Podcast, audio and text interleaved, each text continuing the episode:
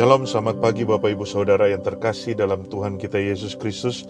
Bersyukur kita boleh bangun pada pagi hari ini dengan tubuh yang kuat dan sehat. Kita bersyukur semua itu karena anugerah Tuhan. Dan pagi hari ini kita bertemu kembali dalam renungan seorang murid yang diambil dari Gema 15 Januari. Sebelum kita merenungkan firman Tuhan, mari terlebih dahulu kita berdoa.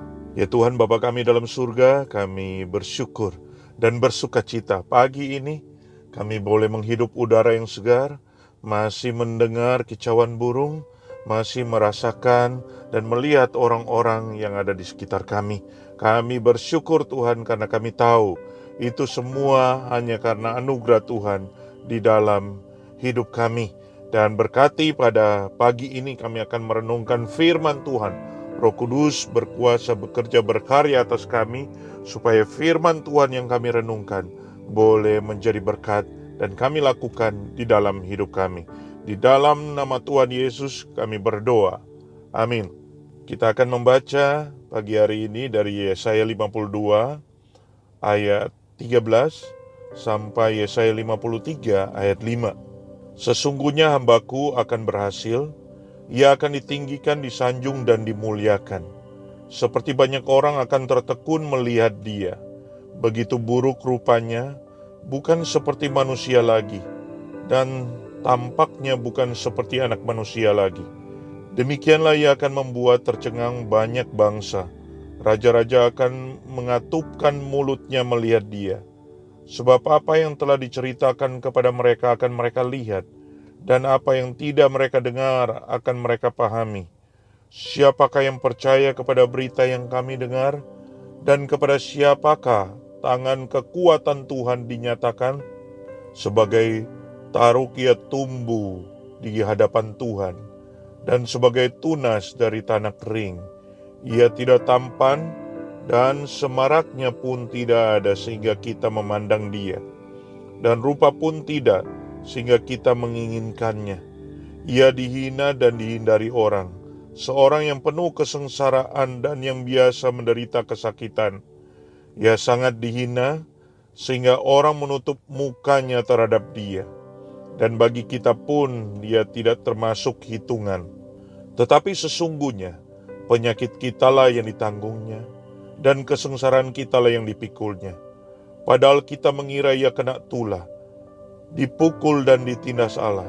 Tetapi ia tertikam oleh karena pemberontakan kita dia dirumuhkan oleh karena kejahatan kita. Ganjaran yang mendatangkan keselamatan bagi kita ditimpakan kepadanya.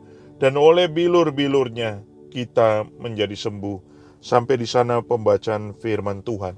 Gagasan tentang Sang Mesias sebagai hamba yang menderita itu diuraikan secara terang benderang dalam bacaan Alkitab hari ini. Penderitaan fisik yang dialami sang hamba membuat wajahnya sulit dikenali dan usaha para pelukis untuk menggambarkan Yesus Kristus, Sang Mesias yang menderita di kayu salib, hanya dapat menggambarkan sedikit daripada penderitaan yang Yesus alami. Para pelukis sulit untuk menggambarkan apa yang dikatakan firman Tuhan.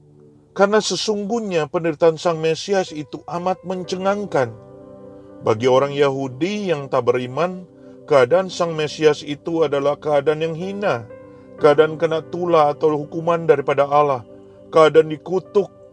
Akan tetapi bagi orang yang percaya, bagi orang yang beriman, keadaan Sang Mesias membuat kita kehabisan kata-kata.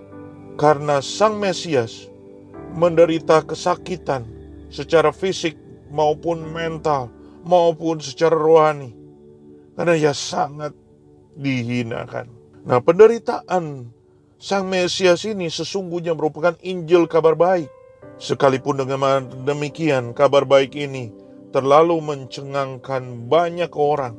Dalam bagian yang kita baca ini, ada dua hal yang ingin saya bagikan kepada kita semua.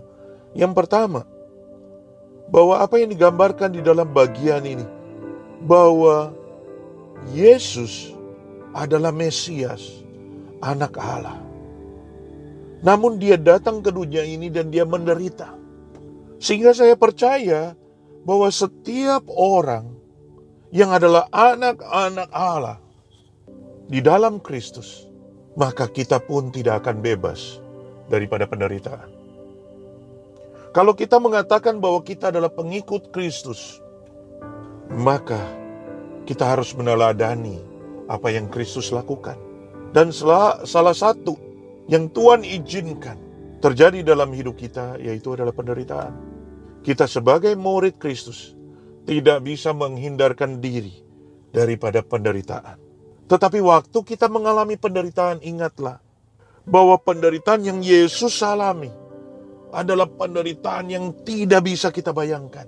Dan yang penderitaan kita alami adalah hanya sedikit mencicipi penderitaan yang sesungguhnya Kristus alami.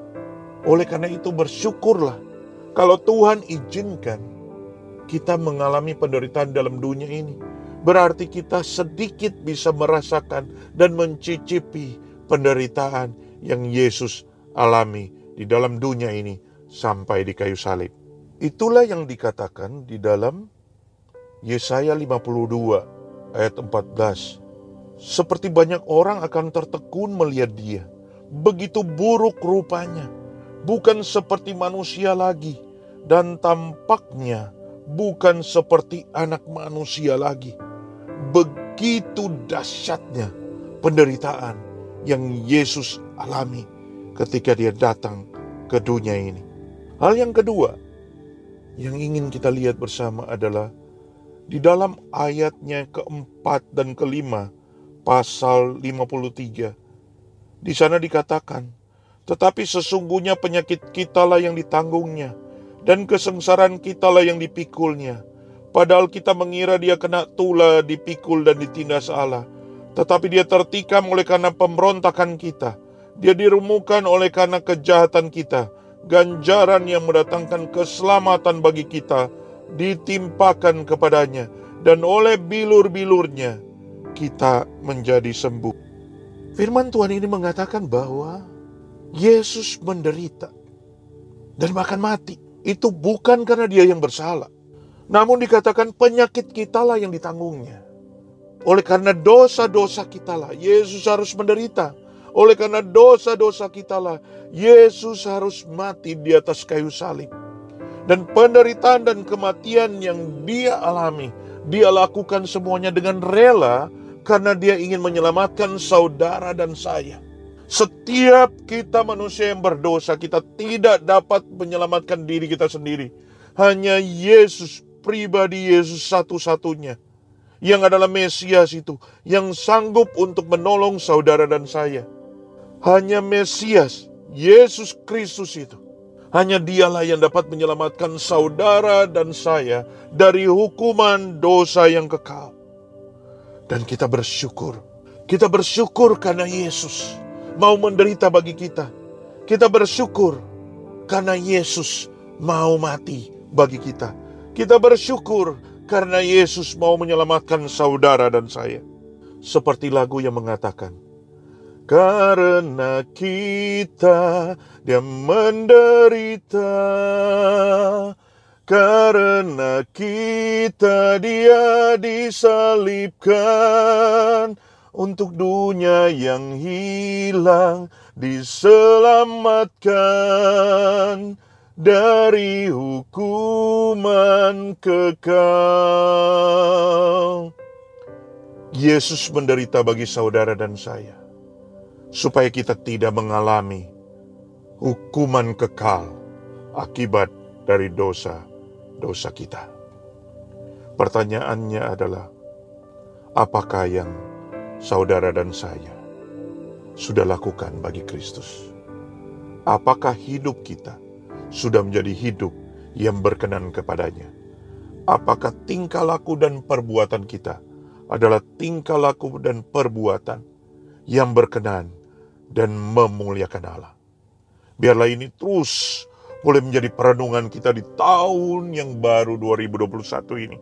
Supaya kita boleh menjadi pribadi-pribadi yang sungguh boleh menyenangkan Tuhan dan memuliakan Tuhan. Amin. Mari kita berdoa. Tuhan Yesus terima kasih karena kami diingatkan bahwa Engkau datang ke dunia ini. Engkau adalah Tuhan, Engkau adalah Mesias. Namun Engkau mati dan menderita di tengah dunia ini. Maka selayaknya kami adalah pengikut Engkau. Selayaknya kami rela juga untuk menderita bagi Engkau. Dan kami bersyukur kami diingatkan bahwa Engkau menderita bagi kami orang yang berdosa, supaya kami boleh memperoleh hidup, boleh memperoleh keselamatan, supaya kami tidak dihukum dalam penghukuman yang kekal. Oleh karena itu, berkati kami, supaya hidup kami boleh menjadi saksi Kristus di mana pun Tuhan utus kami. Terima kasih Tuhan di dalam nama Tuhan Yesus kami berdoa. Amin. Tetap semangat, tetap sehat, tetap percaya, Tuhan Yesus memberkati kita semua.